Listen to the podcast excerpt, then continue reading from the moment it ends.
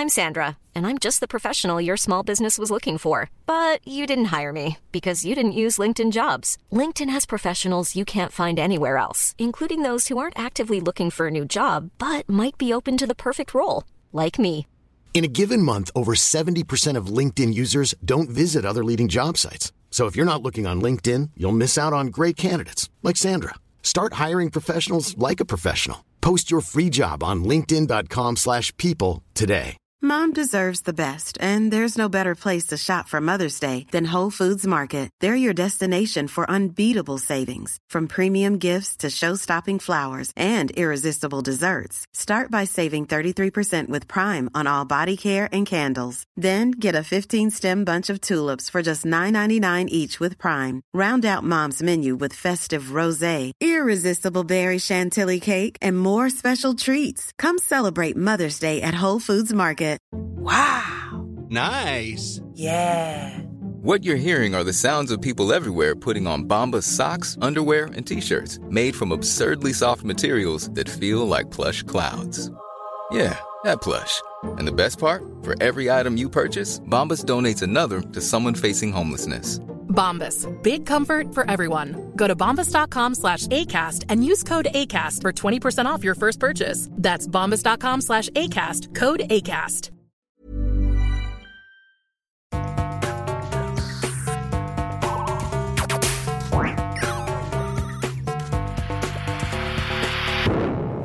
Velkommen til Sinnsyn. Jeg heter Sondre Risom Livre, er psykolog, og dette er Webpsykologens podkast. Hverdagspsykologi for fagfolk og folk flest.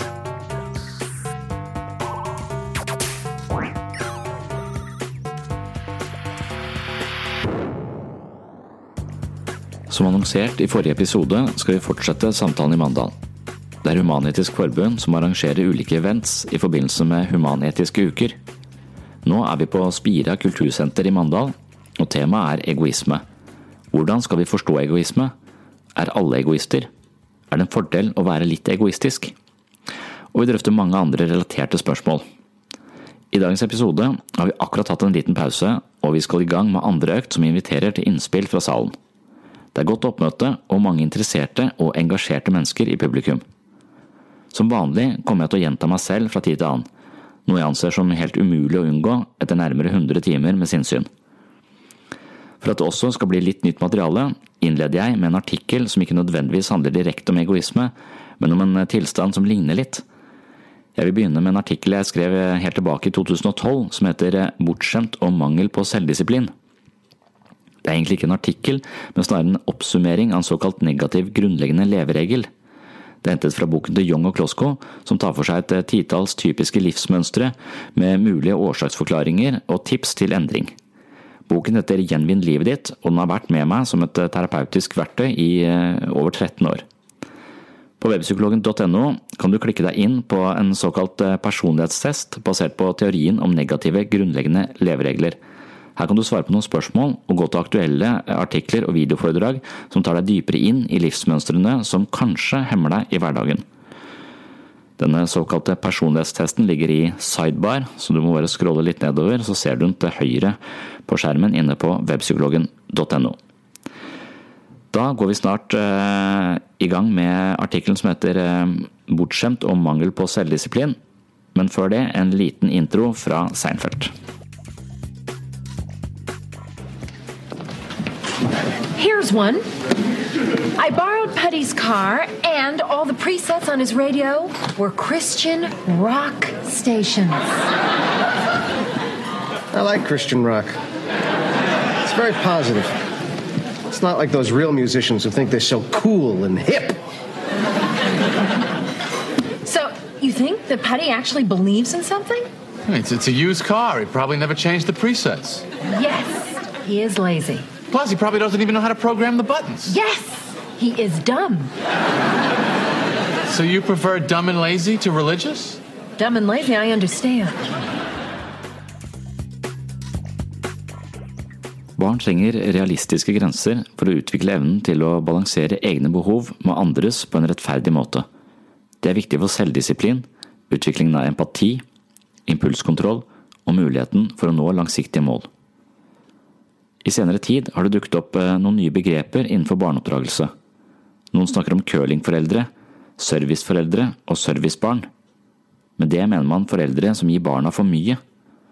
Det handler om en slags overomsorg eller overbeskyttelse, hvor foreldrene nærmest ser det som sin oppgave å føre barnet gjennom livet uten motstand. I curling koster man foran eh, kulen for å fjerne friksjon, og det er nettopp denne øvelsen som har blitt bildet på en del moderne foreldre. Spørsmålet er så hva som skjer med barn som slipper å møte livets utfordringer. Blir de disponert for eh, minste motstands vei? Problemer med å utsette behovstilfredsstillelse? Vanskeligheter med å innta andres perspektiver og lignende? I forhold til teorien om negative grunnleggende leveregler av Young og Klosko snakkes det om barns behov for realistiske grenser.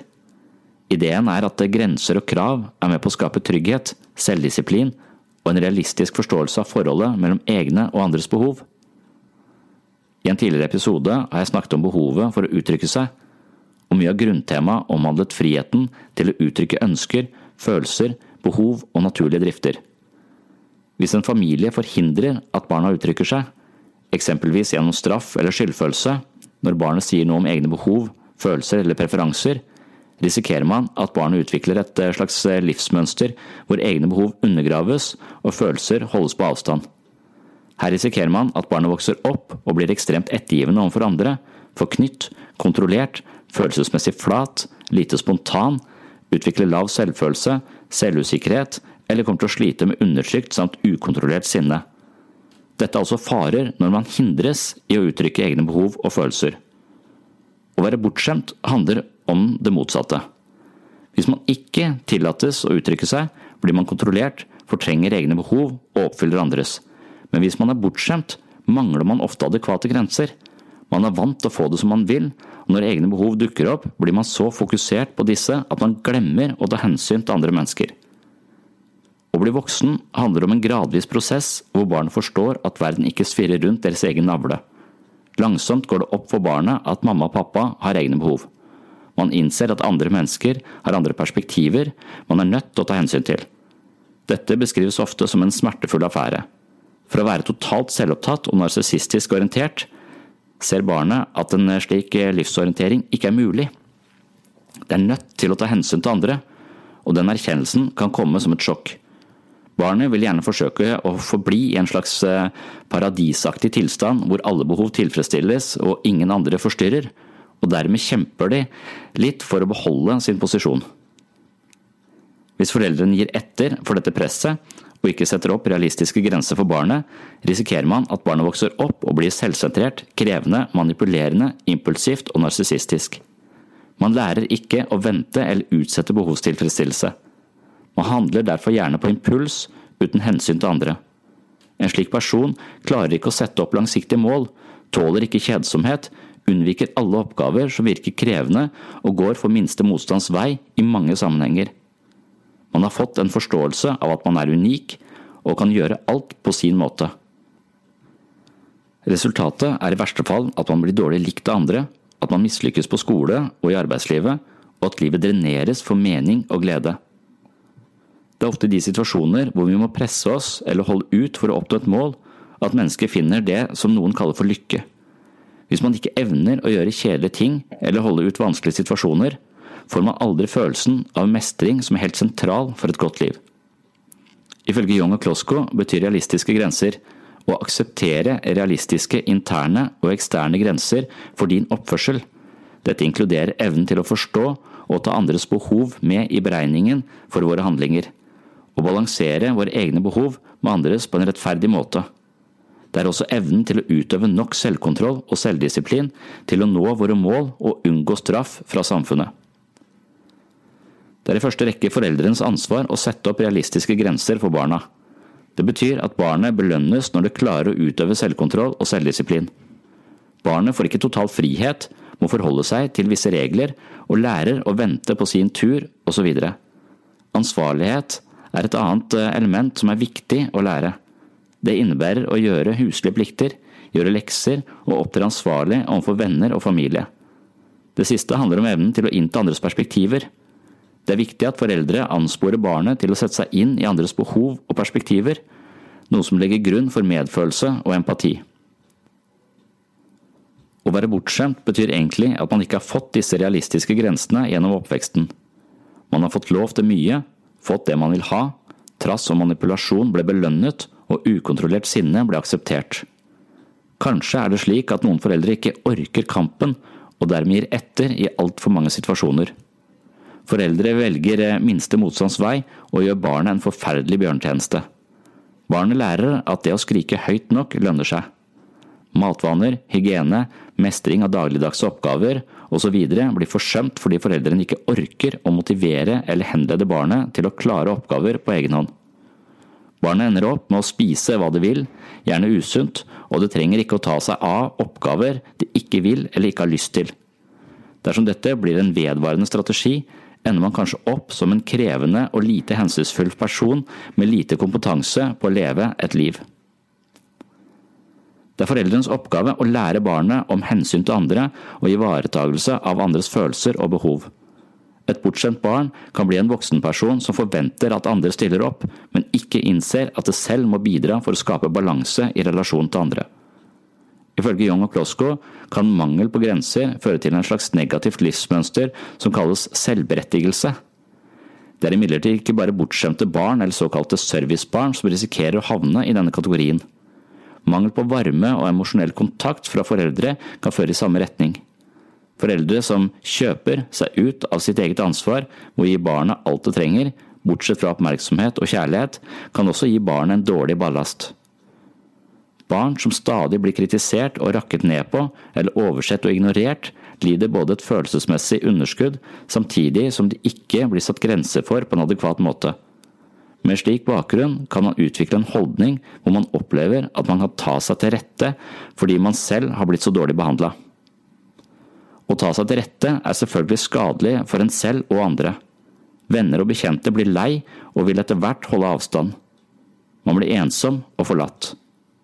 Hvis man i tillegg har problemer med selvkontroll og selvdisiplin, risikerer man å miste jobben, drikke for mye, fyllekjøre, røyke, bruke narkotika, stjele, bruke for mye penger og andre forhold som oppstår når man ikke evner å utsette eller nedregulere umiddelbare behov. De som mangler realistiske grenser og ikke har lært empati, har også en tendens til å skylde på andre. Det betyr at de er i stadig konflikt, og livet blir en slags bitter kamp Empati er noe et barn utvikler når det er omsorgspersoner som evner å leve seg inn i barns følelser og behov. Først må barnet oppleve å bli forstått, ivaretatt og elsket, og deretter utvikler barnet samme egenskaper overfor andre. Kjærlighet avler kjærlighet. I tillegg til en varm og innlevende omsorgsperson må barna ha en omsorgsperson som også setter adekvate grenser. Noen foreldre sliter med å hevde seg, tenderer til å unngå konflikt og dermed mislykkes de med grensesetting. Et optimalt miljø for et barn synes å ha tre viktige ingredienser – empati, omsorg og grenser. For mye grenser og regler som hemmer barns muligheter for å uttrykke seg, skaper overdreven kontroll og eventuelt underdanighet og selvforsakelse. Men det viser seg at mangel på grenser gir andre og vel så alvorlige problemer. Med den innledningen så går vi over til dagens tema, som altså er egoisme. Litt relatert til dette med selvberettigelse og mangel på hensyn til andre mennesker.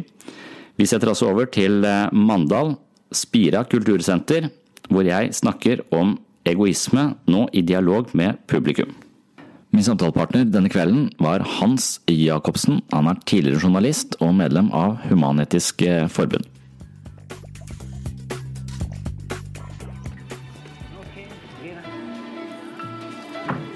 Offentlig barnehage.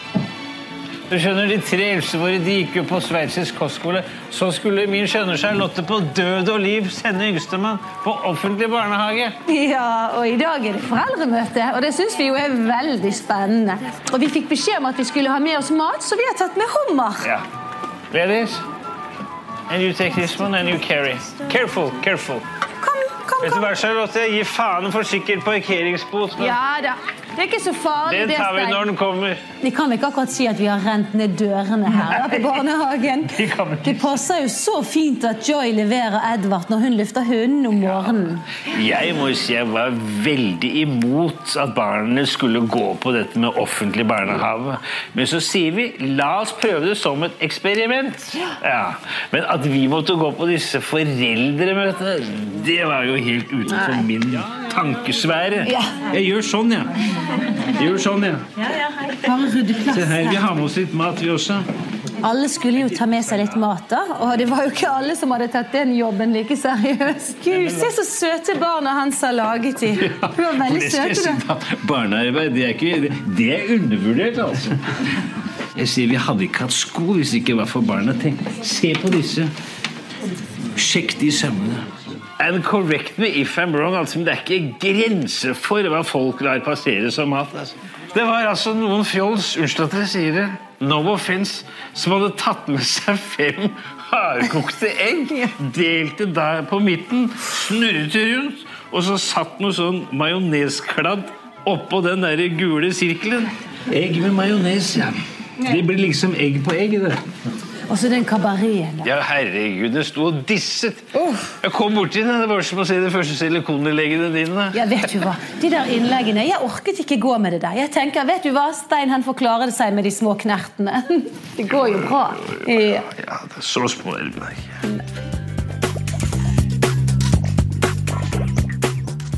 Vi har stort sett snakka om varianter av eh, egoisme forankra i en idé om at det handler hele tiden om et underskudd og en slags desperat kamp for å tilkjempe seg noe mer for å bli hel. Og samtidig kan det knyttes til en eh, sånn grunnleggende misforståelse mennesket har om at eh, vår egen verdi eh, er knytta til ytre, ytre faktorer. Uh, og idet det blir en sterk identitet uh, for oss, så, så lever vi i et ganske risikabelt og sårbart uh, prosjekt. Eh, og det er nok veldig veldig mange som, eh, eh, som gjør. Og det kan det hende at, at det sosiale medier og sånn også er med på også bygge opp under. At den, jeg tror det er I kinesisk filosofi så er dette med å sammenligne seg med andre en av de største demonene mennesket har. Og når vi da lever i en eh, kultur hvor vi kan sammenligne oss med folk hele tiden, og det vi sammenligner oss med, er egentlig ikke folk, vi sammenligner oss med avatarer de har skapt av seg selv, av den måten de helst skulle Det er kanskje det idealet de har, om hvordan de eh, ønsker å være. Så, så får vi kanskje ganske mye av denne følelsen av underskudd. Altså at de sosiale mediene genererer eh, underskudd.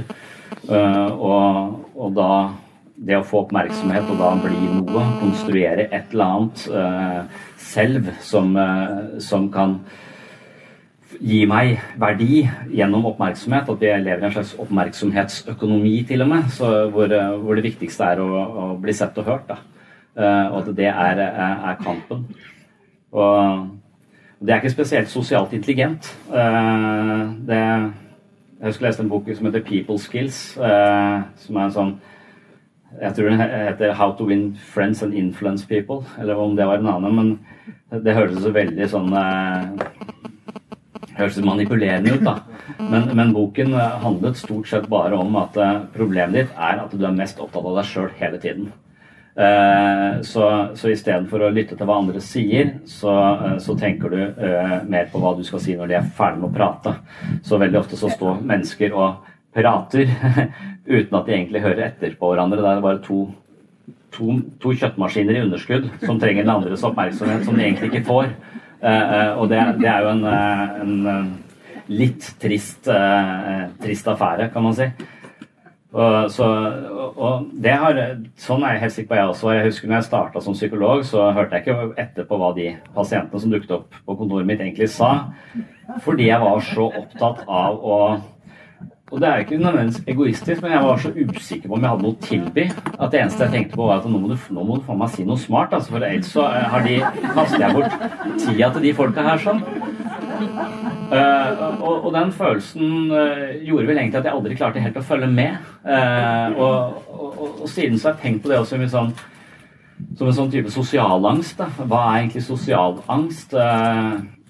Det er nok ikke det er veldig mange som har sosialangst. Og det er ikke så stor grunn til å tro at andre mennesker er så farlige som det de skal alltid, men hva er dynamikken i det? Og for min egen del så er nok sosialangst nettopp den derre eh, følelsen av å måtte prestere noe.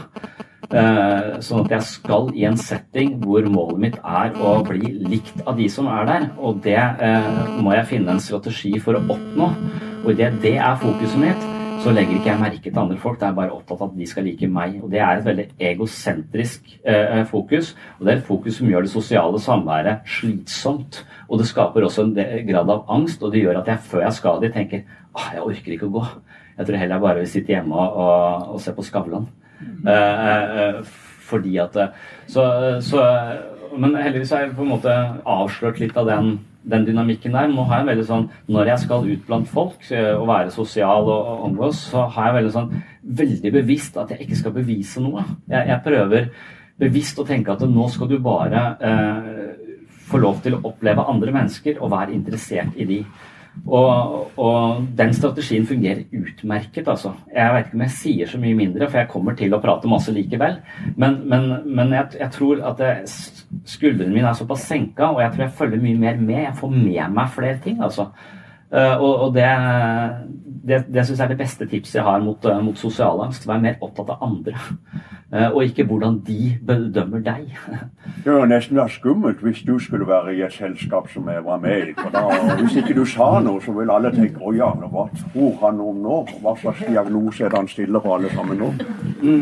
Jeg gikk rundt I pausen så var det flere som antyda noe om at jeg kanskje skulle høre litt mer om i arbeidslivet. Litt tilbake i arbeidslivet var inne på det.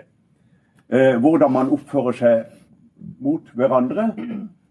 Og eh, at man på en måte forsøker å trykke ned kanskje en kollega, fryse ut en kollega. Eh, baksnakke en kollega. Eh, det er vel noen eh, av arbeidsmiljøloven som jeg er sikker på Ivar Espenes kjenner mye bedre til enn meg. Han er leder i bedriftshelsetjenesten i Lister. Kan du, har du bruk til å gjenta de paragrafene, hva man ikke skal gjøre? Det hørtes veldig kjedelig. Vi snakker litt om denne det er fire paragrafer som eh, har kommet inn i loven fordi at folk oppfører seg dumt med det akkurat. Så sa jeg til Hans at det er forbudt i henhold til loven å, å krenke andre mennesker på jobb. Det er forbudt å mobbe, trakassere. Det er forbudt å opptre utilbørlig. Og så tenker jeg at noen av de paragrafene kommer der fordi at kanskje av egoistiske hensyn eh, så er de kommet der. For at folk, folk har oppført seg dumt mot hverandre, og så er disse paragrafene oppstått. Ikke vet jeg, men det, det er veldig fine paragrafer som er, er tatt inn i lovverket. Mm. Gir du noen tanker om før, før eh, de har kommet der? Og er vi mennesker så dumme at vi må liksom ha lovmessige hindre for å ikke oppføre oss så dumt?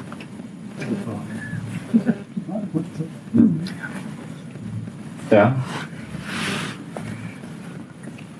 Nei, jeg vet ikke hva vi, hva vi mangler som ikke får det, eh, får det til. Så, men det er jo litt merkverdig at vi Vi kan sende en Tesla ut i universet, men vi klarer ikke å omgås på noe særlig god, god måte.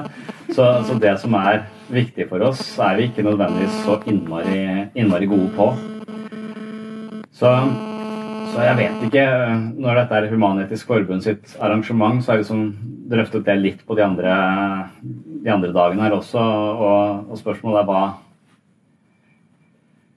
det, Jeg har også snakket om den boka, en, en, siste boka, den som heter David Steno, som jeg imponerte meg fordi den understøtter mye av det jeg tenker om psykologi og selvutvikling og osv. Den heter 'Emotional Success'. Det er en sånn klein tittel, egentlig. Men, uh, men han setter eh, det å være menneske inn i en sånn evolusjonær kontekst.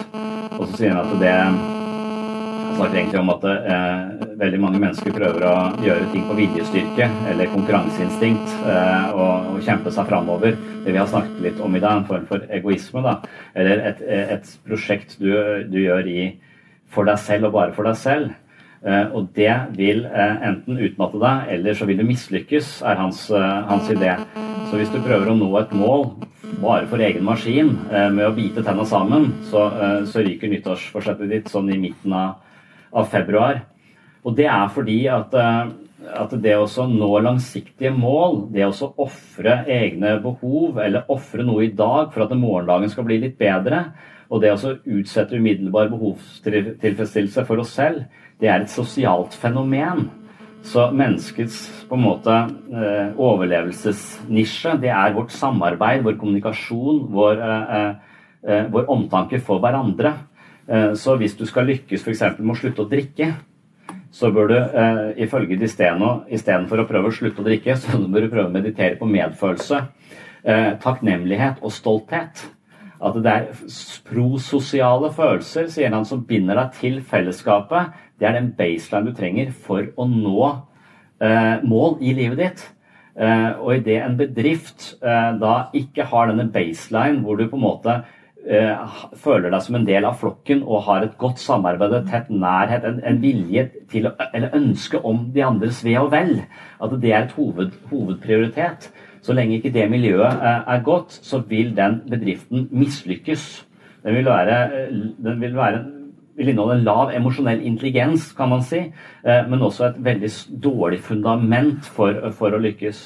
Så hvis du skal ha en god, god bedrift, så, så, bør du kanskje lese den boka til Disteno og se at det, Hmm, alt det som på en måte De menneskene som lykkes, det er de menneskene som praktiserer medfølelse, eller som er glad i andre folk og takknemlige for det de har der og da. De har mye lettere for å nå målene, eh, målene sine. Og Jeg ser det så tydelig. Jeg sitter med folk i gruppa, jeg sitter med folk som drikker for mye. ikke sant? Og så ja, nå er jeg klart i fem uker, men så røyker jeg. Fem uker er det man kan klare uh, hvis du bare er for deg sjøl, er mitt inntrykk. Hvis du jobber bare for din egen del, eller i konkurranse mot noen andre, så blir ikke det spesielt. Det, du, du, lykkes ikke på lengre sikt. Du kan sikkert lykkes nå og da, men sånn, det er ikke et solid prosjekt. da. Uh, og jeg ser at de som drikker og isolerer seg og har problemer med relasjoner osv., de, de vil ikke klare å slutte å drikke hvis ikke de klarer å lære seg å komme nær andre mennesker. Og det å komme nær andre mennesker, det er et vågalt prosjekt. Eh, men hvis vi på en måte kan klare til en viss grad å akseptere oss selv og hvile oss selv, og ikke spille dette spillet i møte, møte med andre, klare å skape fortrolige eh, relasjoner, så, så, så, har vi utrolig, et utrolig godt utgangspunkt. Men det jeg driver med, er gruppeterapi. Og, og det de folka som kommer dit, det er nettopp problemer med å skape nære relasjoner til andre mennesker. Det er fordi at vi har et operativsystem inni huet vårt som på en måte er koda eh, eh ut ifra de erfaringene vi har. Så hvis vi har erfaring på at mennesker er ute etter å lyve, manipulere oss osv., så, videre, så har vi bokser hvor vi putter disse folka Nye mennesker putter vi inn i de samme boksene fordi de ligner litt. Og da tilskriver vi de ofte egenskaper de ikke nødvendigvis har. Uh, og, og, og vi, vi, møter de med en mistillit, bare sånn for sikkerhets skyld. Og den mistilliten den plukker andre mennesker opp. Selv om de ikke kan pinpointe den, så føler de at her er det en avstand, og de vil også da være skeptiske tilbake igjen. Og så vil dette mennesket gå rundt at alle skuler litt på meg. Alle, så, så denne, dette smitter på en måte. Så små finurligheter i måten vi tenker på uh, og, og, føler overfor andre mennesker, kan enten skape nærhet eller avstand. Og for å skape gode relasjoner, så må du se på ditt eget uh, operativsystem. Alt begynner med, med oss. Og hvis jeg er i balanse, så er jeg en verdifull person for et arbeidsmiljø, fordi jeg nettopp vil kunne den, den, den, det vil ha en smitteeffekt hvis jeg ikke konkurrerer med noen eller prøver å sette de ut, men vil de stort sett eh, det beste så vil jeg som regel alltid få det tilbake igjen. For det er ikke noe vits å konkurrere med meg, for, jeg er ikke en trussel. Uh, så, det, kan fungere godt. Men med en gang det kommer inn et spill der, og jeg får et behov for å vinne over noen, eller et eller annet, så har du virkelig et, et stort uh, problem. Og Det er jo sånn vi mennesker fungerer. For vi har, vi har denne utviklingslinja vår. altså Vi begynner å være veldig egosentriske. Dattera mi er nå to år, og hvis hun hadde hatt bedre motorikk og mer styrke i armene, så hadde hun drept søsknene sine. Det er jeg ganske sikker på. Men heldigvis så hun ikke, er hun ikke sterk nok, så det kan hun ikke gjøre. Så hun er på et veldig sånn Jeg, min mamma, min mamma. ikke sant? Hun, hun, er, hun er, på et egosentrisk nivå. Hun er ikke sivilisert inn i omtanke for andre. Så, så etter hvert så må, må, hun, eh, må, hun, innse at hun må dele osv. Og, så og det å lære seg å dele, og det å på en måte da, eh, men også da bli elsket underveis forstå at dette er akseptert og på en måte få disse polene oppfylt, så, så har vi potensial for å få et godt menneske. Men idet vi hele tiden alle lever i denne underskuddet, så er det så lett at hvis vi møter et annet underskudd, så vil vi eh, eh, gå i klinsj med det. Istedenfor å se på det med en grad av medfølelse og sympati. Og kanskje istedenfor å konkurrere, kanskje gi det det, det mennesket, det mennesket trenger. Oppmerksomhet, kanskje litt ekstra oppmerksomhet. Kanskje det man eh, vet i barnehager, at de, de barna som er mest urolige og, og sinte, de trenger litt mer. De trenger kanskje ikke kjeft, men de trenger kanskje litt mer oppmerksomhet. Så, eh, så er, det, er det kanskje råd å gi hvis det, du føler at en kollega trakasserer og baksnakker, at det gir dem mer oppmerksomhet? Eller er det andre praktiske løsninger for å løse det her og da? For nå har du snakka liksom på, på bedriften på det overordnet plan, føler jeg. Ja. Men, men rent sånn praktisk psykologi Ja, rent sånn praktisk så er jeg litt usikker på det der. For det, rent sånn praktisk så, så, tror jeg at mennesket eh, også fungerer At vi er litt sånn opportunistiske fordi vi nettopp har dette underskuddet hele tiden. Så idet vi ser at noe funker, så tror jeg kanskje vi fortsetter med det. Eh, så på en måte så er det litt farlig å bli et offer for mennesker som oppfører seg på den måten. Eh, så jeg tror du eh, Jeg tror Hvis du er trygg på deg selv, så vil du også klare å sette grenser eh, på et passe sted. Og det er også veldig viktig overfor denne typen eh, mennesker. For det, idet du lar de få lov til å manipulere, kanskje utnytte deg, eh, og, og, de ser at det føler, fører frem, så tror jeg du er inne i et, eh, i et maktspill som du kanskje eh, eh, på, for, for, dette er ikke så tydelig for folk. altså Disse, disse små finurlige maktspillene mellom mennesker de, går, de, de, er ikke veldig bevisste, verken for den som uh, tar makten eller den som blir utnytta. Så det er sånne ting som I et ekteskap så sier de ja, men gjør jo dette for oss, eller elsker du meg ikke? Altså, Du legger opp til, du sier til den andre noe som får den andre til å føle seg dårlig, uh, og derfor må spille på en måte må tilfredsstille det du har behov for. Og så, så, så, er det sånne mellommenneskelige, uh, mer sånn emosjonelle kamper som foregår, som er litt, litt, usynlige. Og Hvis ikke du klarer å se dem, så blir du veldig lett fanga av dem. Uh, så, så, mennesker har jo følelser, og de følelsene vi selv ikke kan bære. Hvis jeg føler meg veldig mislykka, så kan det være at jeg kan få noen andre til å føle seg mer mislykka, og da, da, på en måte er det som om de bærer min byrde for meg. Og de føler seg også mislykka. Så jeg kan på en måte, det, det, primitive psykiske forsvaret vårt sørge for at andre mennesker overtar de følelsene vi helst ikke orker å anerkjenne i oss selv. Og da blir det ganske, det er ganske komplisert, øh, et ganske komplisert spill. Men hvis vi ikke klarer å sette fingeren på det, hvis vi ikke klarer å tematisere det og se det, så foregår det i det skjulte, og da bare utspiller det som en, som en svulst på en måte i, i et arbeidsmiljø. Så, så, det psykologer driver med, jeg tror arbeids- og driver med, er å sette språk på det. Gi disse mellommenneskelige dynamikkene et mer språk. fordi det vi klarer å gi det et språk, så kan vi se det. Vi ser eh, eh det som, eh, som, foregår, og vi kan tematisere eh, det. Og da kan vi også sette grenser på en litt mer ordentlig, ordentlig måte. Men, men konkret igjen. Er det sånn på en arbeidsplass skal du snakke med vedkommende som eventuelt trakasserer eller føler trakasserer, eller skal du gjøre sånn som du gjør i utdanningsseksjonen i Oslo kommune, som er kanskje nest sende et varsel? Altså Det er jo blitt så moderne, og nå varsler man forskjellige ting. Istedenfor å ta det opp der og da, så blir det bare verre og verre. Så sender man varsler, så blir det undersøkelser, og så blir det et helsike. Ja, og det der er altså finurlig. Når det du sa, de der eh, reglene eller eh, statuttene som du nevnte der i stad, så var det noe med Du har ikke lov til å krenke andre, var det det? Men hvem er det som bestemmer? Uh, hva, er, er, det den som føler seg krenka, som har definisjonsmakten på hva som er å krenke? For da kan du tenke deg at jeg i beste mening sier noe til noen som de opplever krenkende, mens jeg hadde kun gode hensikter. Men likevel, hvis den får lov til å bestemme at jeg ble krenka, og da er du ond og må sparkes, så er du inne da, da, da vil eh, denne offerrollen kunne brukes som et maktmiddel, plutselig. Og der er vi kanskje litt på vei også. Eh, så, så det er litt, eh, litt finurlig, det der. Og da er de igjen nødt til å ha et språk på de mellommenneskelige spillene, så du klarer å synliggjøre hva det er som egentlig foregår her. Mm. Det, det, vi, må, vi, må, klare å ha, vi, må, vi må klare å sette lupen på det som egentlig egentlig skjer. For, for det, det, er jo veldig lett da, å bare legge seg ned og begynne å grine, og så er han som da står ved siden av tilfeldigvis en overgriper, eh, eller har blitt definert som det, og må ut. Og det er jo en, eh, det er jo en finurlig hersketeknikk, da. Ja. Du hadde et spørsmål. Reis deg opp, så alle kan se det. Gud bevare meg vel med det bergensere. Jeg, jeg, ville ba, jeg ville bare eh, si at jeg har vel jobbet noenlunde med det samme som deg. Eh, med helse, miljø og sikkerhet i, i alle år. Nå er jeg eh, fri for alt arbeid. Men eh, det som jeg tenker på, det er at jeg tror de lederne vi har i dag, må kunne se litt bredere. de må kunne Altså, de er så opptatt av at vi skal eh, eh, Vi skal eh, gjøre ting og se ting og sånn. At de glemmer å se mennesket. At, at mennesket ikke får nok oppmerksomhet. At ikke de ser at eh, det foregår eh, eh, ting som ikke burde eh, forekomme. Sånn at det å være leder, det innebærer veldig mye, syns jeg. De må se alle, og de må se menneskene ut ifra det mennesket er. Og, og, hvis de kunne greie det litt bedre, kanskje hatt noen eh, flere samtaler med folk, enn å la det gå et halvt år før de tar en ny samtale, så tror jeg de ville fanget opp mye og kunne gjort veldig mye med, eh, med det miljøet de, de jobber i. De, de, må se alle. Enhver en arbeidstaker er ikke, er ikke lik. De er forskjellige hele bøtteballetten.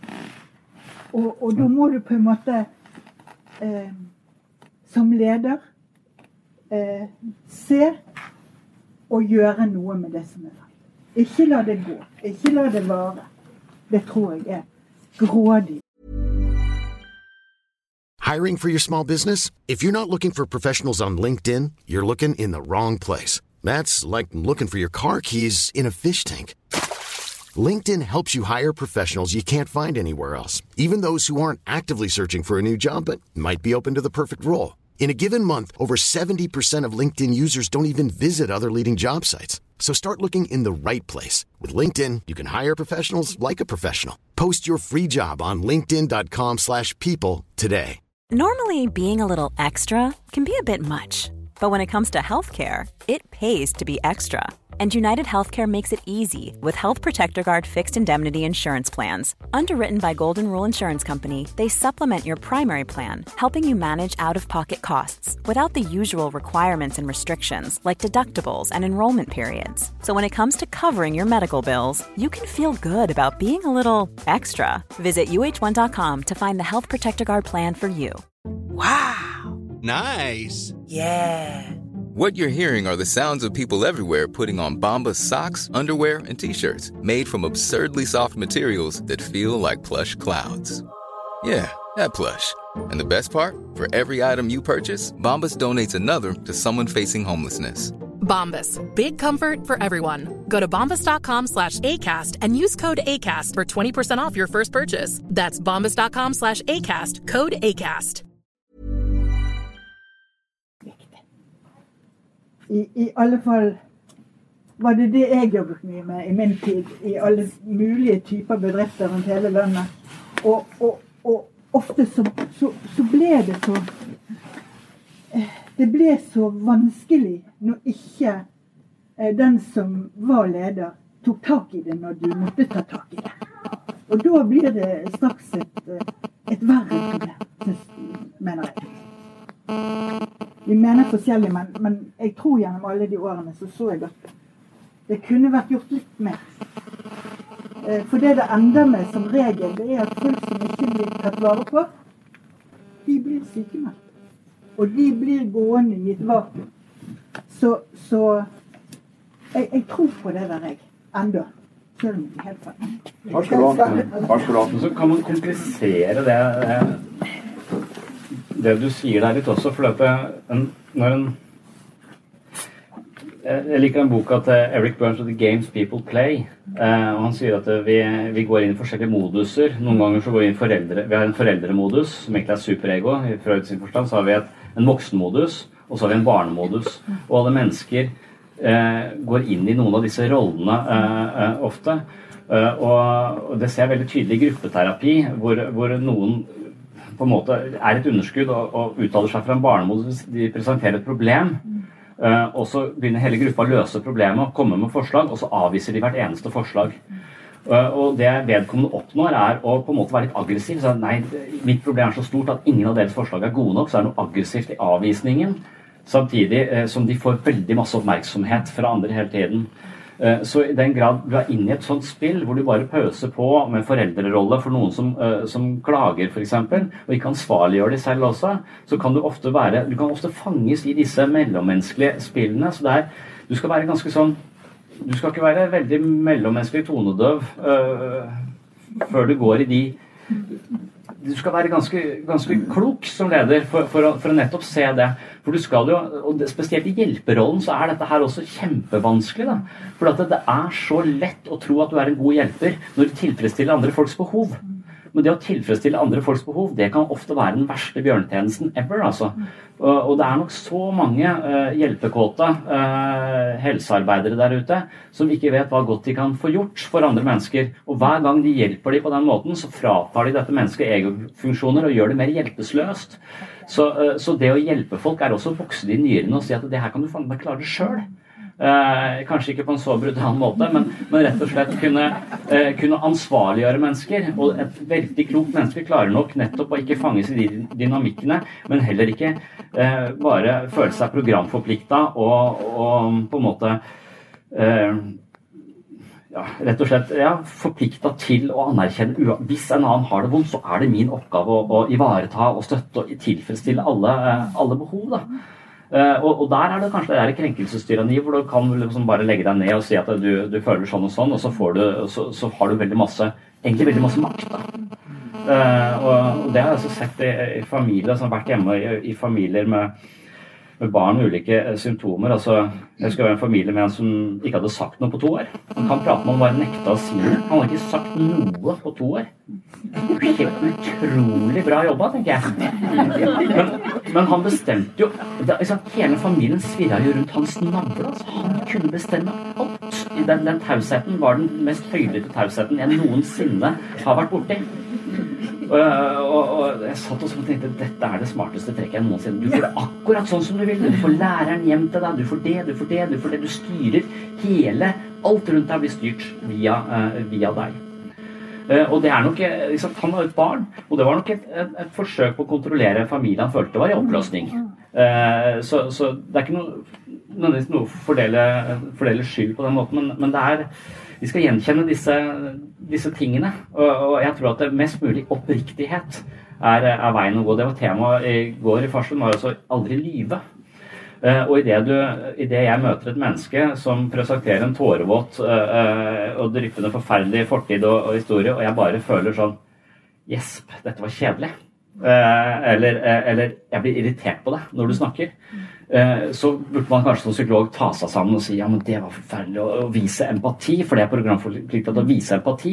Men idet jeg viser denne personen empati for en måte å formidle noe på som, som egentlig bare irriterer meg, så, så, tror jeg igjen jeg er inne på en bjørnetjeneste. Jeg tror vi er nødt til å undersøke dette. vet du hva? Når du fortalt noe jeg føler du fortjener masse omsorg, og egentlig fortjener du en klem, men jeg, jeg klarer ikke å gi deg det. Hva er det med dette? Jeg lurer på, Siden jeg får denne følelsen at jeg ikke klarer å gi deg det du trenger, kan det være at resten av verden også At du på en eller annen måte ikke får det du trenger i relasjonen din med andre. For det er noe med måten du presenterer dette på. Og veldig ofte så er det mennesker som presenterer problemene sine på en sånn måte at de indirekte antyder at andre mennesker overtar og løser problemet mitt. Hvis noen kan fortelle den samme historien, jeg får kjempemedfølelse. Og jeg føler meg viktig bare nesten privilegert av å bare sitte og høre på dette mennesket fortelle.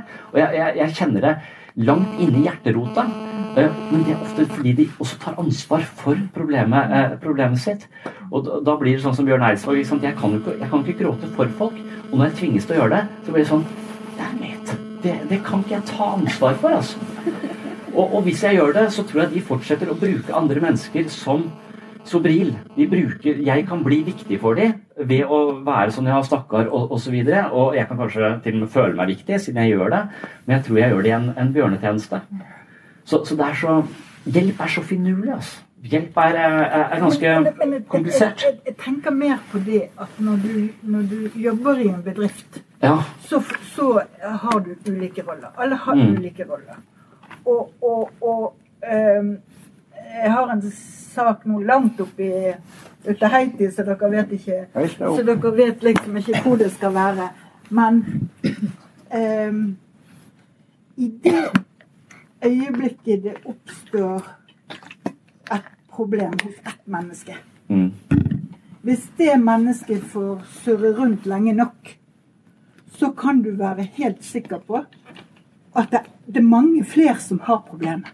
For de, det, det, det er akkurat som det, de tar det opp. Én sier det til en annen, og så sier ja, det er helt riktig, det er helt feil på denne bedriften. Det er noe som er feil. Og det er da jeg mener at det vi har eh, i, i enhver bedrift og på enhver avdeling, det er at vi har en leder som må være leder når det ikke eh, virker. Eh, fordi at hvis de bare får gå der og surre med seg sjøl, så blir det Jeg har, jeg opp, langt oppi Sogn, der har jeg en sånn sak, at eh, den ene som er misfornøyd, snakker med to andre. Og når det er gått to måneder, så er alle tre misfornøyd. Og det må være noen som griper inn. Hvis ikke så er det sånn at han som sitter der bak og jobber med helse, miljø og sikkerhet nå, da kommer dere inn, gjør ikke dere det? For å se litt på dette systemet. Jeg vet ikke hvor heldig det er alltid. Jeg tror på at å løse ting lavt, løse de der de oppstår, at du er en god leder som passer på at dette skal gå bra. Så tror jeg det er det riktige. Men jeg er ikke sikker på at eh, jeg har helt rett. Forutsatt at den lederen virkelig får greie på dette. Yes, det er akkurat det. Men, det er Men den lederen må være leder, og leder betyr at de må på en måte eh, passe på. Ja, ja. Følge med.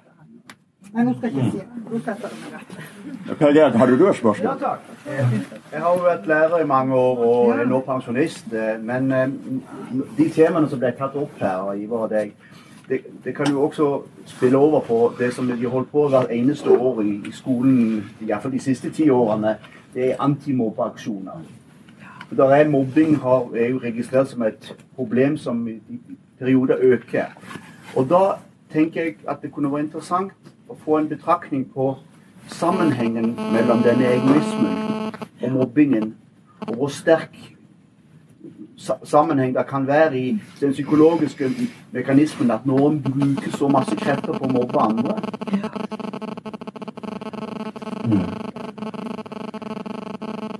Ja, der er det Det er det, Jeg tenker jo at jeg tror vi utvikles som jeg sa, utvikles fra å være egosentriske til å bli eh, mindre og mindre narsissistiske. Eh, og, og, mindre og mindre behov for å tråkke på andre for å hevde, hevde, oss selv. Men på et eller annet tidlig tidspunkt her så er du veldig usikker på hvem du er. Eh, og, og, og, derfor så er det å være en ungdomsskole eller en barneskole Det er jo litt risikabelt miljø. Du har veldig mange her som eh, trenger noe for å føle seg hele, og, kanskje ikke helt eh, klar over hva de gjør når de stjeler det. Eh, fra andre. Eh, og, og så, så når jeg snakker om personlighet og sånn, så er det, eh, så er det Vi har fire følelsessenter i hjernen vår som er dypt uh, nedarva fra millioner av år. Altså, og vi har et vi har et panikksenter og vi har et fryktsenter. Eh, og panikksenteret det dukker opp hvis vi føler oss forlatt eller utestengt. Eh, det er panikken, separasjonsangsten nærmest. Eh, og hjernen fungerer litt som en muskel, så hvis du føler deg utestengt eller blir mobba, der kan du også aktivere fryktsystemet. Så, så vil, du, vil, du, få en, eh, en, del av hjernen din vil kobles opp i en, eh, en alarmberedskap som handler om å trekke seg tilbake og sørge for at man er trygg. Og i den, i det du har mye energi bundet opp i disse systemene, så vil, så vil veldig mye av livet ditt gå med på nettopp alarmberedskap. Og når alarmberedskap er på, så vil den delen av hjernen som handler om å søke- og lystsystemet, som handler om å være interessert i verden, finne ut hvem man er, utforske nye ting, eh, hva liker jeg, hva liker jeg ikke Altså den delen av hjernen som vi bruker for å skape mening i eget liv, for å være nysgjerrig og interesserte i livet, den er skrudd av. For vi prioriterer overlevelse fremfor nysgjerrighet. Mens nysgjerrighet og kreativitet og den, den bevegelsen der sånn, eh, det er det som borger for et godt liv. Det er 100% avhengig av at de har en trygg base, at de er trygge nok. Så så lenge du da har et miljø som ikke er trygt nok, så, så skaper, skader du alle som er i det miljøet, på en dyp og inderlig måte. Men de skades på litt forskjellige, forskjellige måter. Både mobberen og mobbeofferet der vil, vil jo komme galt ut på lang sikt. Da vil nok en tydelig, tydelig leder være, være en som en som har god si, emosjonell sans og innsikt eh, eh, måtte gå, gå foran og, og stoppe, eh, stoppe dette. Eh, så, så det, mobbing er en slags gift på, på selvfølelsen vår fordi at hjernen er ikke sånn at det, Hjernen er som en muskel, og, og når den da den utvikler seg avhengig av hvordan den blir brukt. Og den blir brukt eh, på den måten den blir brukt på måten vi tenker på. Så Vi har et operativsystem som sørger for at den brukes på en bestemt måte, avhengig av hva vi har blitt fortalt av andre mennesker at vi er. Hvordan, hvordan er vi verdifulle osv. Men den reagerer også på erfaring, ikke sant? så den, den må hele tiden respondere på erfaring. Uh, og hvis det da er, er, hele tiden en utrygg situasjon, så vil uh, for noen mennesker så vil da panikksenteret dukke opp, og du vil legge deg ned og du vil gråte og bli lei deg og redd. Eh, men, men, noen ganger så, så, har du også mennesker med et litt annet temperament som da tar igjen. Eh, altså, eh, som har, eh, og det er, det er raserisenteret, det handler om selvhevdelse. Ifølge Freud så er det analstadiet. Det er da det på en måte er på, på sitt verste. Da får du de som har hatt barn, vet at eh, en to-treåring er som en diktator med bleie. liksom. Går rundt og skal bestemme alt hjemme. Uh, og det, er, det, handler om å utvikle denne identiteten, den separasjonen. altså Jeg skal bestemme, og jeg skal få lov til å, å vinne. Og, og, da må man på en måte gi dem noen seire for å skape selvfølelse osv. Men så må de også rammes inn. Si nei, det går ikke. Jeg er sterkere enn det. Det der får du ikke lov til. Uh, og, og, så videre. Og det er, uh, det er raserisystemet. og det handler om selvhevdelse. Og, og jeg, tenker så, jeg er veldig usikker på hva jeg skulle sagt. Nå, nå føler jeg at hun er på en kjempegod skole, begge barna mine som går på skole, og at det har vært forbløffende lite eh, tematikk. Og jeg er fotballtrener, så jeg møter alle jentene sånn, så jeg ser liksom veldig Jeg er veldig glad for at jeg ser mye At jeg ikke ser den da. Og det kan godt være det skjer bak, eh, bak min rygg, men jeg er litt usikker på hva jeg vil si til dattera mi. Altså, de der gode reglene Hvis du blir dulta til eller slått på skolen, hva skal du gjøre da? Du må si det til en voksen.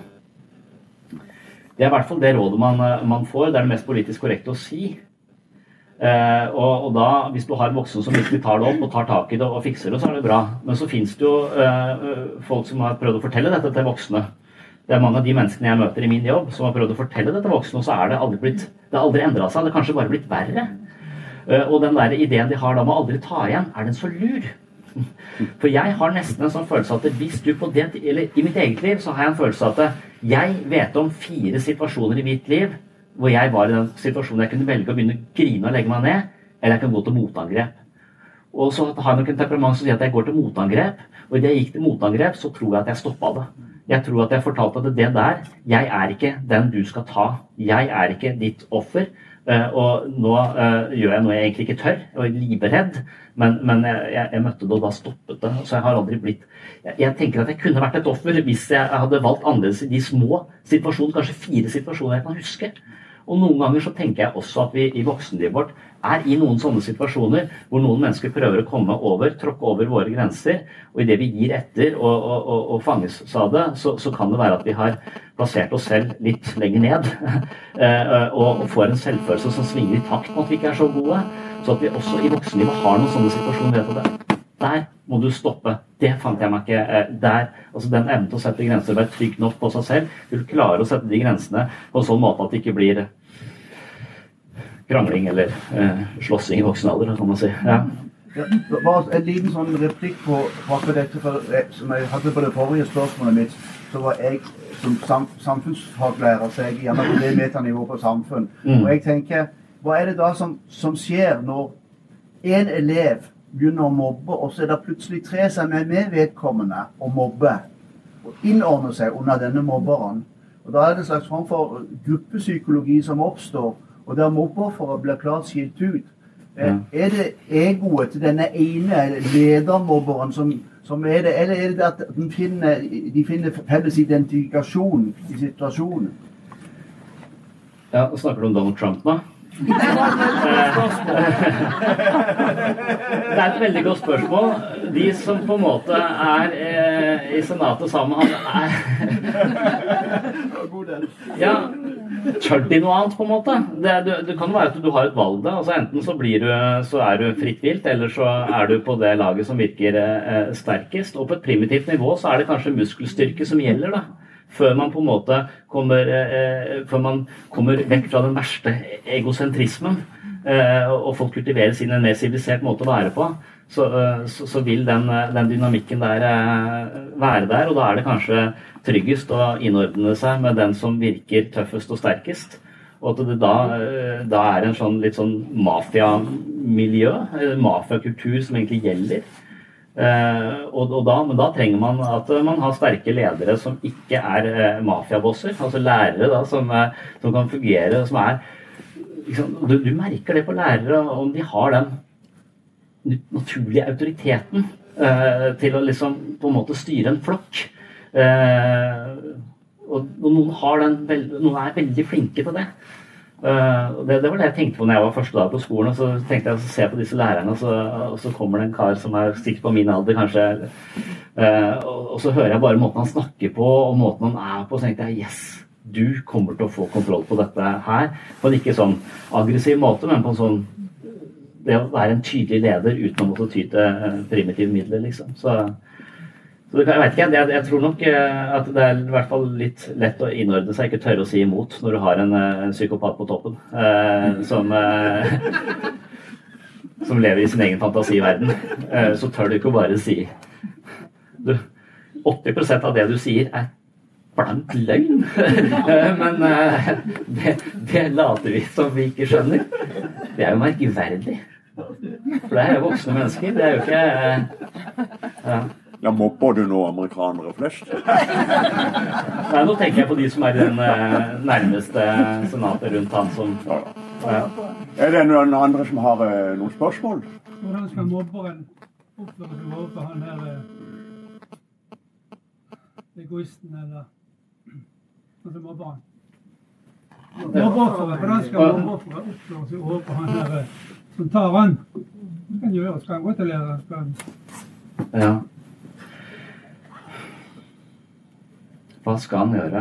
Hva har han muligheten for å gjøre? Er vel egentlig hva, hva, hva, er, hva slags handlingsrom har man?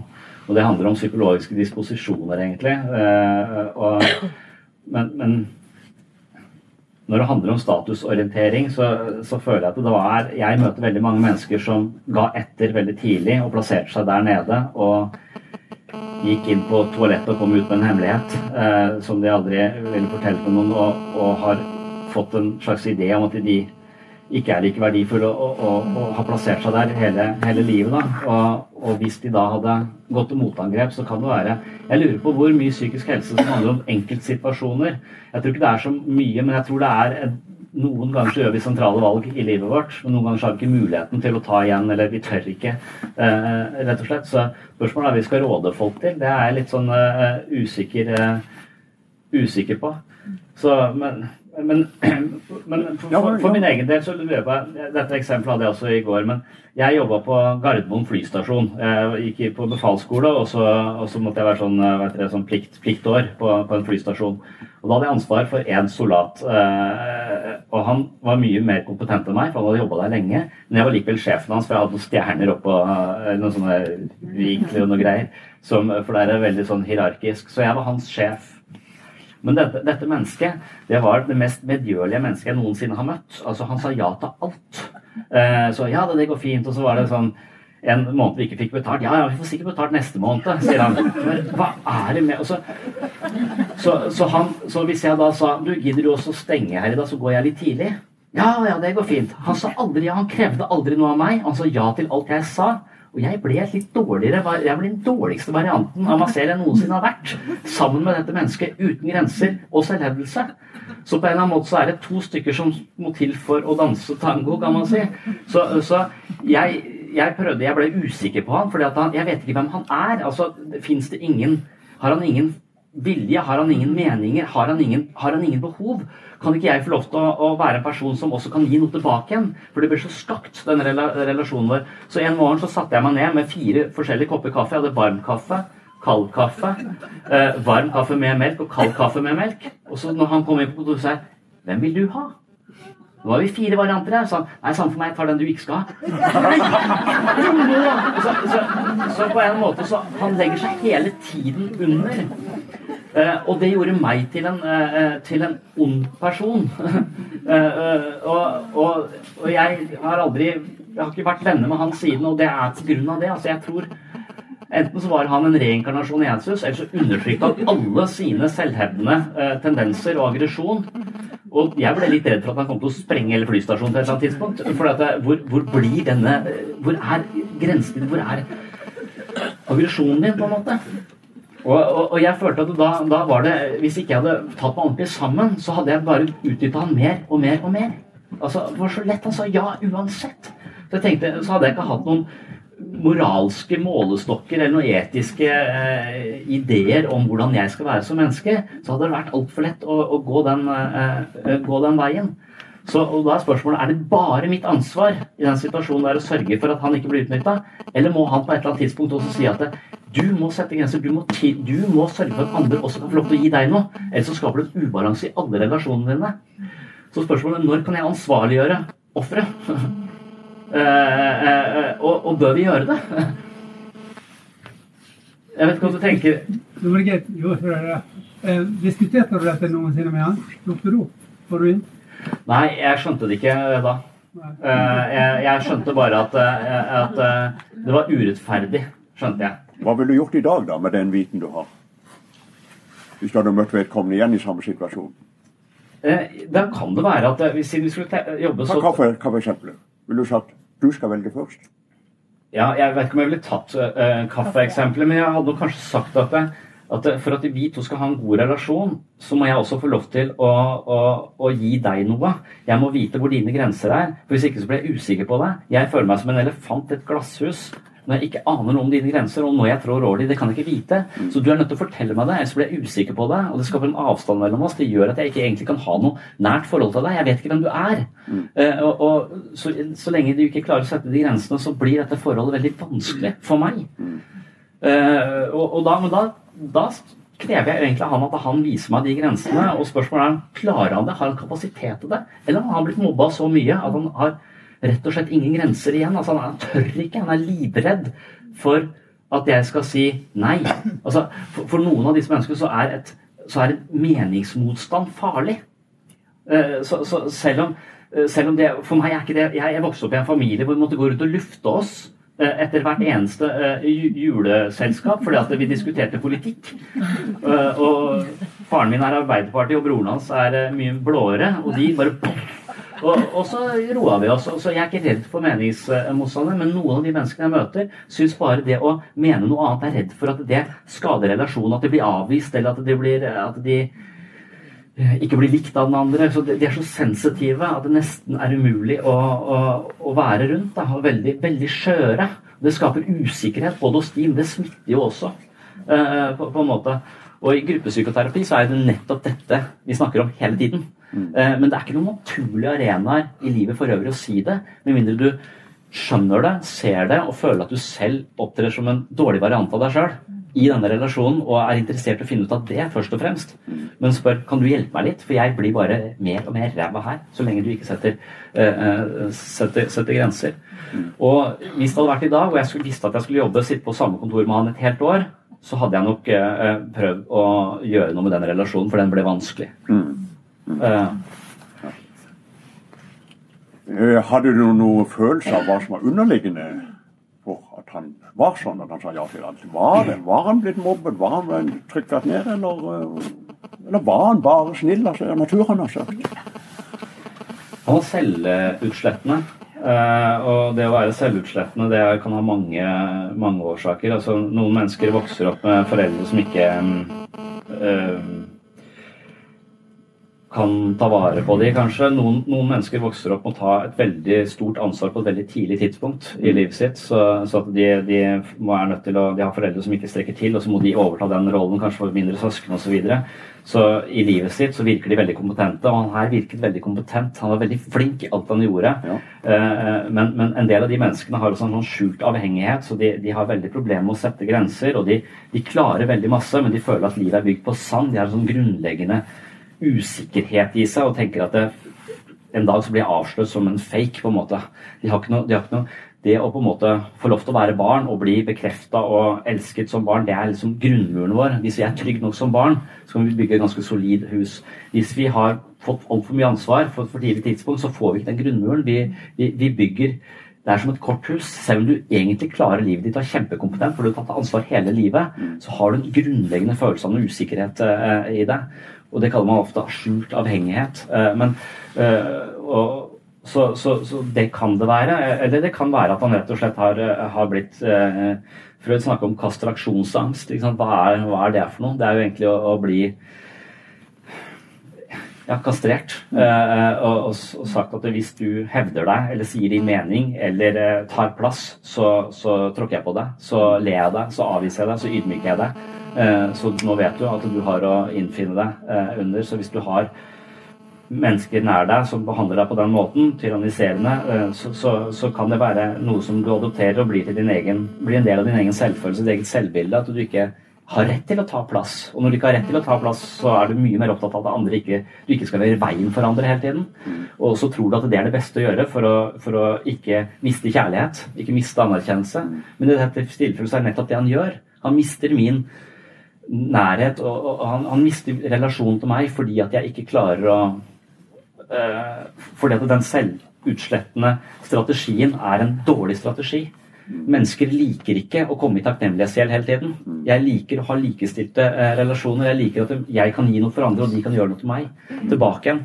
Og, og, og jeg liker ikke den posisjonen jeg føler meg i en form for takknemlighetsgjeld. Uh, og det var det jeg også følte da. Jeg følte meg, jeg følte, hadde mye dårlig samvittighet. Samtidig som jeg handla stadig mer på å gå litt tidlig på fredag. Og det var bare ingen god posisjon å være i. Jeg føler det er hans skyld. ja. Det er masse folk. Ja, kom igjen, reis deg opp og snakk høyt. Vi var, jeg det. Vi var på et uh, foredrag med Hilde Fafo Johnsen.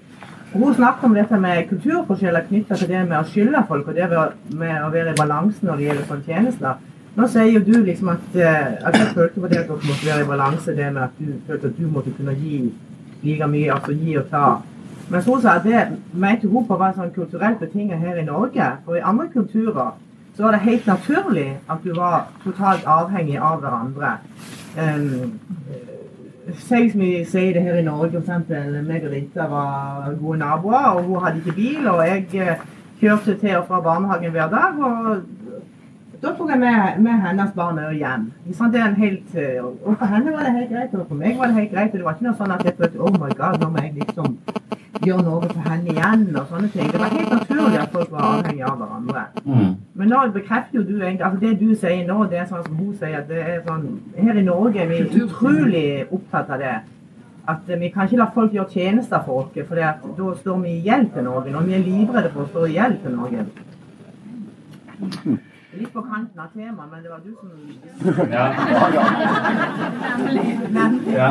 Jeg kan godt være kulturelt eh, eh, Veldig mye kulturelt betinga. Og, og, at man hadde et mye mer sånn Jeg kommer akkurat, jeg har akkurat besøkt eh, oldemoren til barna mine, som forteller om oppveksten og, og så videre, og hvordan det var elleve barn, og så plutselig kom det fem til fordi hadde huset deres brant ned. Så da måtte de bo der. Og, så, så, så, og det var helt selvfølgelig at de bare og, og, hun anser jeg som en sånn person som virkelig har hjulpet mennesker hele livet sitt på et nivå som jeg tenker er forholdsvis selvutslettende. Det var sånn programforplikta til å hele tiden bare tilfredsstille andres behov. Men det var jo også sånn de hadde ikke de forsikringsordningene. Så vi, vi jo, lever jo i et veldig individualistisk orientert eh, samfunn, og det er nok eh, det er, det, er nok ganske mange ulemper, uh, ulemper med det. Det kollektivistiske samfunnet sikkert, har sikkert mange, mange, fordeler. Men jeg tror likevel at, at, nå snakker jeg om en slags psykologisk likestilling. Jeg snakker ikke egentlig om antall tjenester. Altså, jeg, jeg tror det er noe annet å være, være det, det er akkurat som jeg snakker om transaksjonsanalyse i stad. Altså, kan være Noen ganger så kommer jeg til en kamerat og så sier jeg Åh, det er så dritlei av barn og styr og det er mas hele tida. Jeg får aldri fred. Jeg har lyst til å flytte ut på skauen. Og istedenfor å si jeg vet det er så mye styr, og så møte meg på den følelsen som hadde gjort meg til en voksen person, så begynner han å gi meg råd om hvordan jeg skal være en bedre pappa. Uh, uh, og idet jeg får råd, så blir jeg et trassig barn. Og jeg, altså, nå gjorde du meg liten, og, jeg begynner å si Nei, så, blir, så, blir, jeg det han gjør meg til, fordi han inntrer i foreldrerollen. Han blir en forelder for meg, og han gjør meg liten uh, i, i, i, den situasjonen. Han, han, burde møtt meg likt. Eh, det burde vært en likestilling eh, der. Han, men, men jeg tenker da jeg, jeg kan se at han gjør det for han ønsker å være verdifull for meg. Han ønsker å gi meg noe for at jeg skal føle at han er en verdifull kamerat. Det tror jeg. Jeg tror hensikten hans er god, men måten han gjør det på, får meg til å føle meg eh, liten, og det blir en ubalanse i relasjonen. Jeg tror Den ubalansen jeg er ute etter Jeg tror ikke det har så mye å si hvor mye du hjelper eller ikke hjelper andre folk, så lenge du er psykologisk likestilt. Eh, på, på en måte At jeg vet hvor grensene dine går, så jeg ikke kommer til å trampe over dem uten å vite de, og de kommer ikke til å si det for du tør ikke. Så jeg går rundt og egentlig er et rasshøl uten å vite det. Jeg har lyst til å vite at jeg er et rasshøl når jeg er et rasshøl. Jeg har lyst til at andre mennesker skal si det til meg og være mest mulig oppriktige. Så jeg tror Hvis at vi klarer å være mer oppriktige med hverandre, så kan vi skape de nære relasjonene. Og da spiller det ikke så stor rolle hvor mange ganger den ene har henta barnet kontra den andre. For da har du, du har et solid likestilt relasjon. da. Eh, og, jeg tror med en gang den ene parten i en relasjon blir avhengig av den andre på en eller annen måte, så kommer det inn en del dritt i den relasjonen. Jeg tror f.eks. et ekteskap som er basert på to mennesker som er veldig selvstendige og hviler trygt i seg selv, de tror jeg kan elske hverandre på en sånn ordentlig måte. Mens med en gang det kommer en sånn ubalanse at jeg tåler ikke å være alene, så jeg er avhengig av å deg, så vil den andre fornemme det litt, og så kan du plutselig utnytte det, og så kommer det en form for sjalusi, og så kommer det et eller annet spill inn i denne dansen. Og hvis vi ikke ser det spillet, eller tematiserer det spillet, så blir det ofte en destruktiv relasjon som bare på en måte fortsetter. Og da blir det ikke like, eh, likestilt. Så hvis ikke du har en slags bevissthet rundt relasjonene dine, eh, ikke nødvendigvis altså, kvantitativt hvor mye vi gjør, men mer kvalitativt hvordan er vi overfor hverandre. Og Jeg tenkte på det i min egen sånn, jeg kan nok være litt dominant, og, jeg er storebror. eh, og kona mi hun er lille, eh, lillesøster. Det er kanskje ikke tilfeldig at vi har den.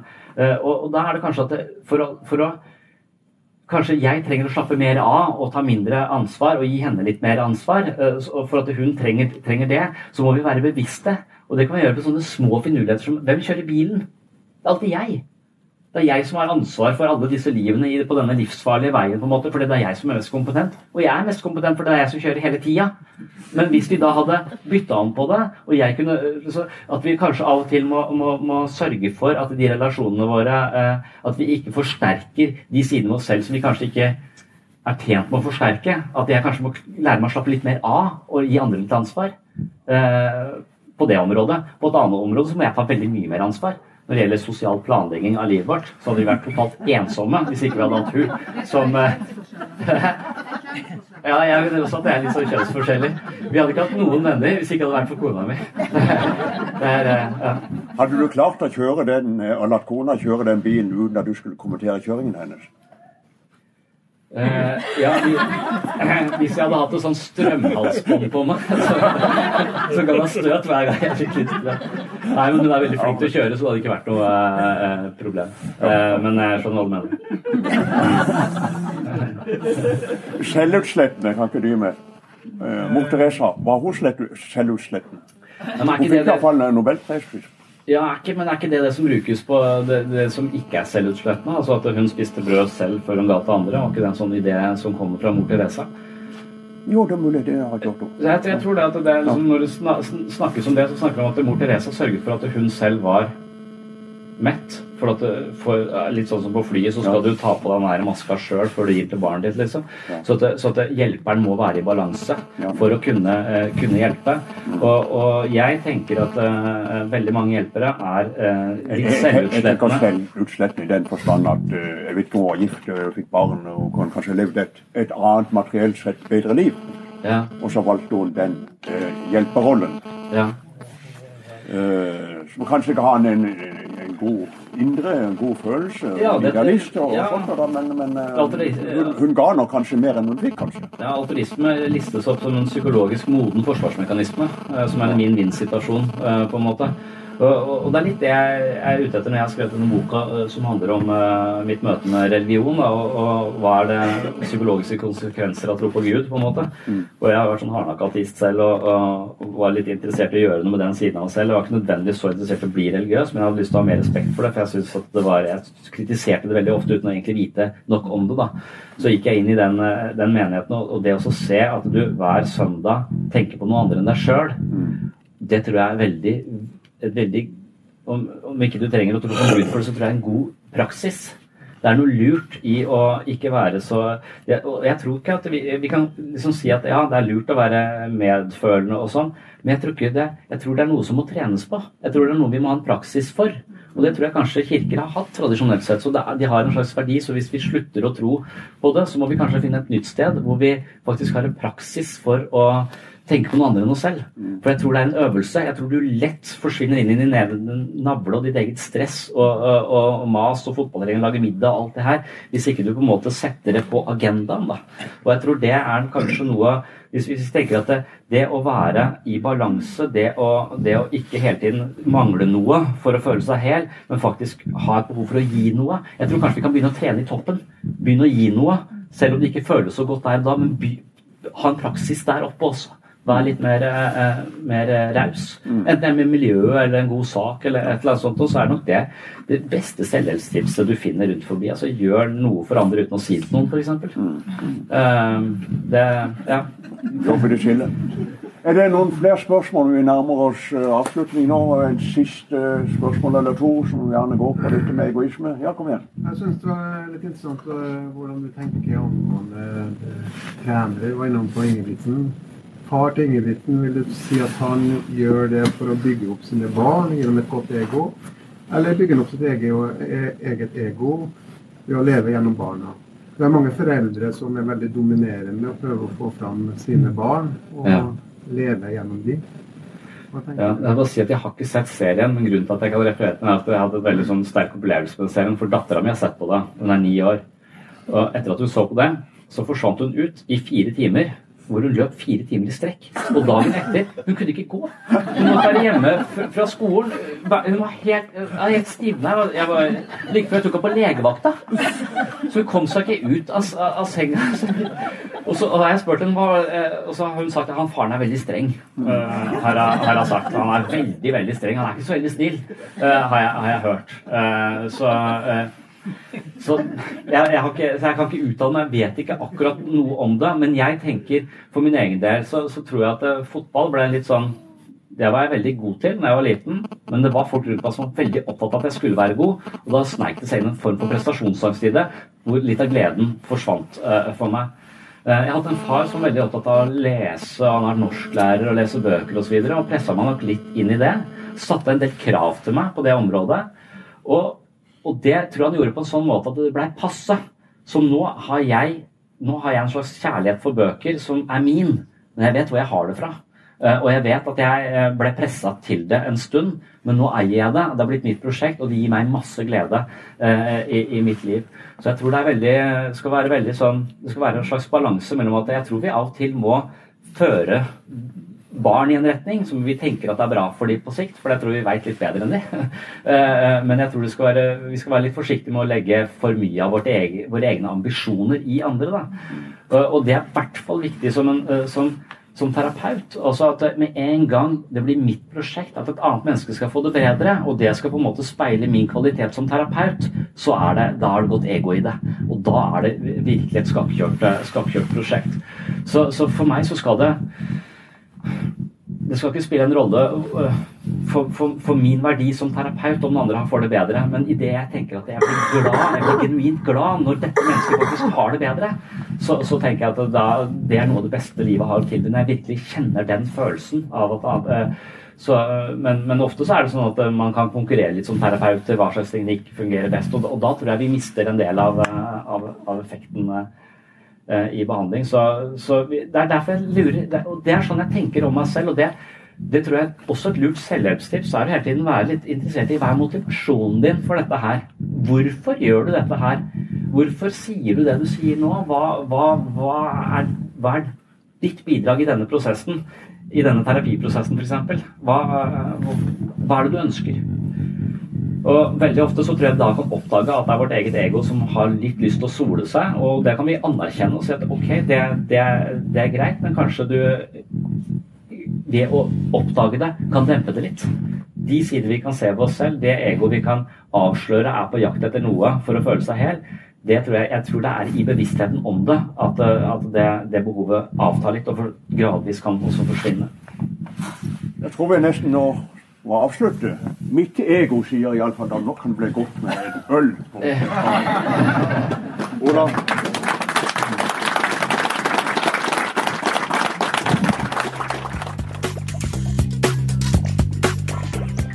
Er det bare meg, eller? Er nivået her fryktelig dårlig? Hva faen er dette for noe? Ja, men Det er jo et norsk flagg her. Det er jo fint at de vet hvor de kommer fra. Hei, søster! Søster! Komme hit? Jeg bare lurer på, Dette her er min sønn Edvard. Hvorfor har han dette rare lille jordbæret når de andre er liksom i dyreriket? Jo, men altså, Edvard er jo en del av bærgruppen. Han kom i Hva faen sa du, Nathan? Han er i bærgruppen. Bæregruppen? Joyce! Ja, Så jeg vil gjerne sette på den eh, kongekronen. Nå, er, nå må du tenke at nå har ikke Edvard noen gruppe. i det hele tatt. Nå blir, kommer han til å bli alene i en slags kongekronegruppe. Hva slags samhold tror du det blir i en, en barnehage da? Nå snakker vi. Der skal han være.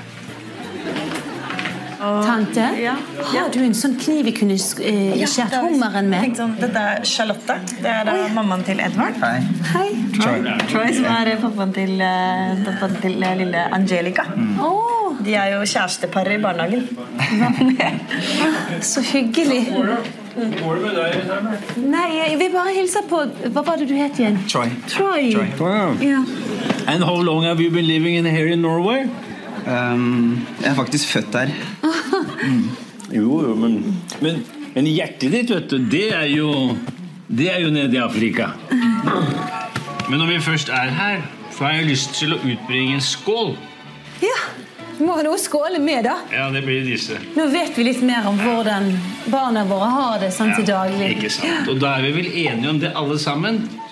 At vi legger noen hundre tusen i potten og får dette opp å stå. Dette har vært jævlig hyggelig. Ja. Det skal dere ha.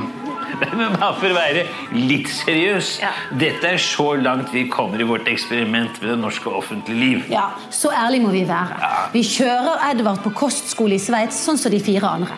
Akkurat det gjør vi. Takk for at du hørte på Sinnsyn.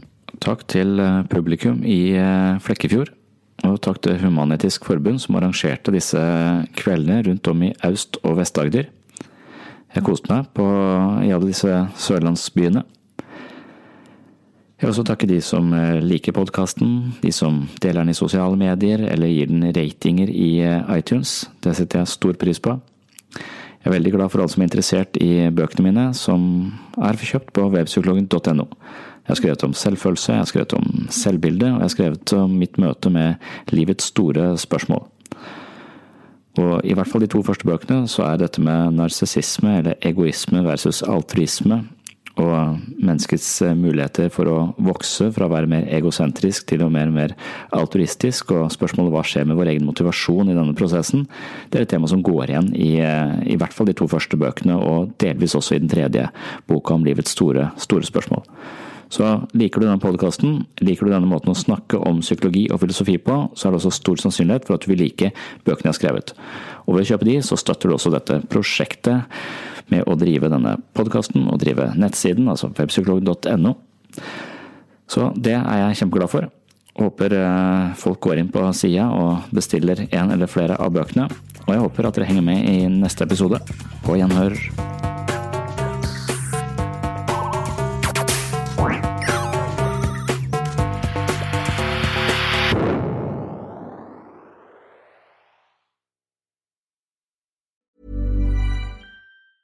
Normally, being a little extra might be a bit much, but not when it comes to healthcare. That's why United Healthcare's Health Protector Guard fixed indemnity insurance plans, underwritten by Golden Rule Insurance Company, supplement your primary plan so you manage out of pocket costs. Learn more at uh1.com. Hi, I'm Daniel, founder of Pretty Litter. Did you know cats tend to hide symptoms of sickness and pain? I learned this the hard way after losing my cat, Gingy. So I created Pretty Litter, a health monitoring litter that helps detect early signs of illness by changing colors, saving you money and potentially your cat's life. Pretty Litter is veterinarian developed, and it's the easiest way to keep tabs on your fur baby's health right at home. Go to prettylitter.com and use code ACAST for 20% off your first order and a free cat toy. Terms and conditions apply. See site for details.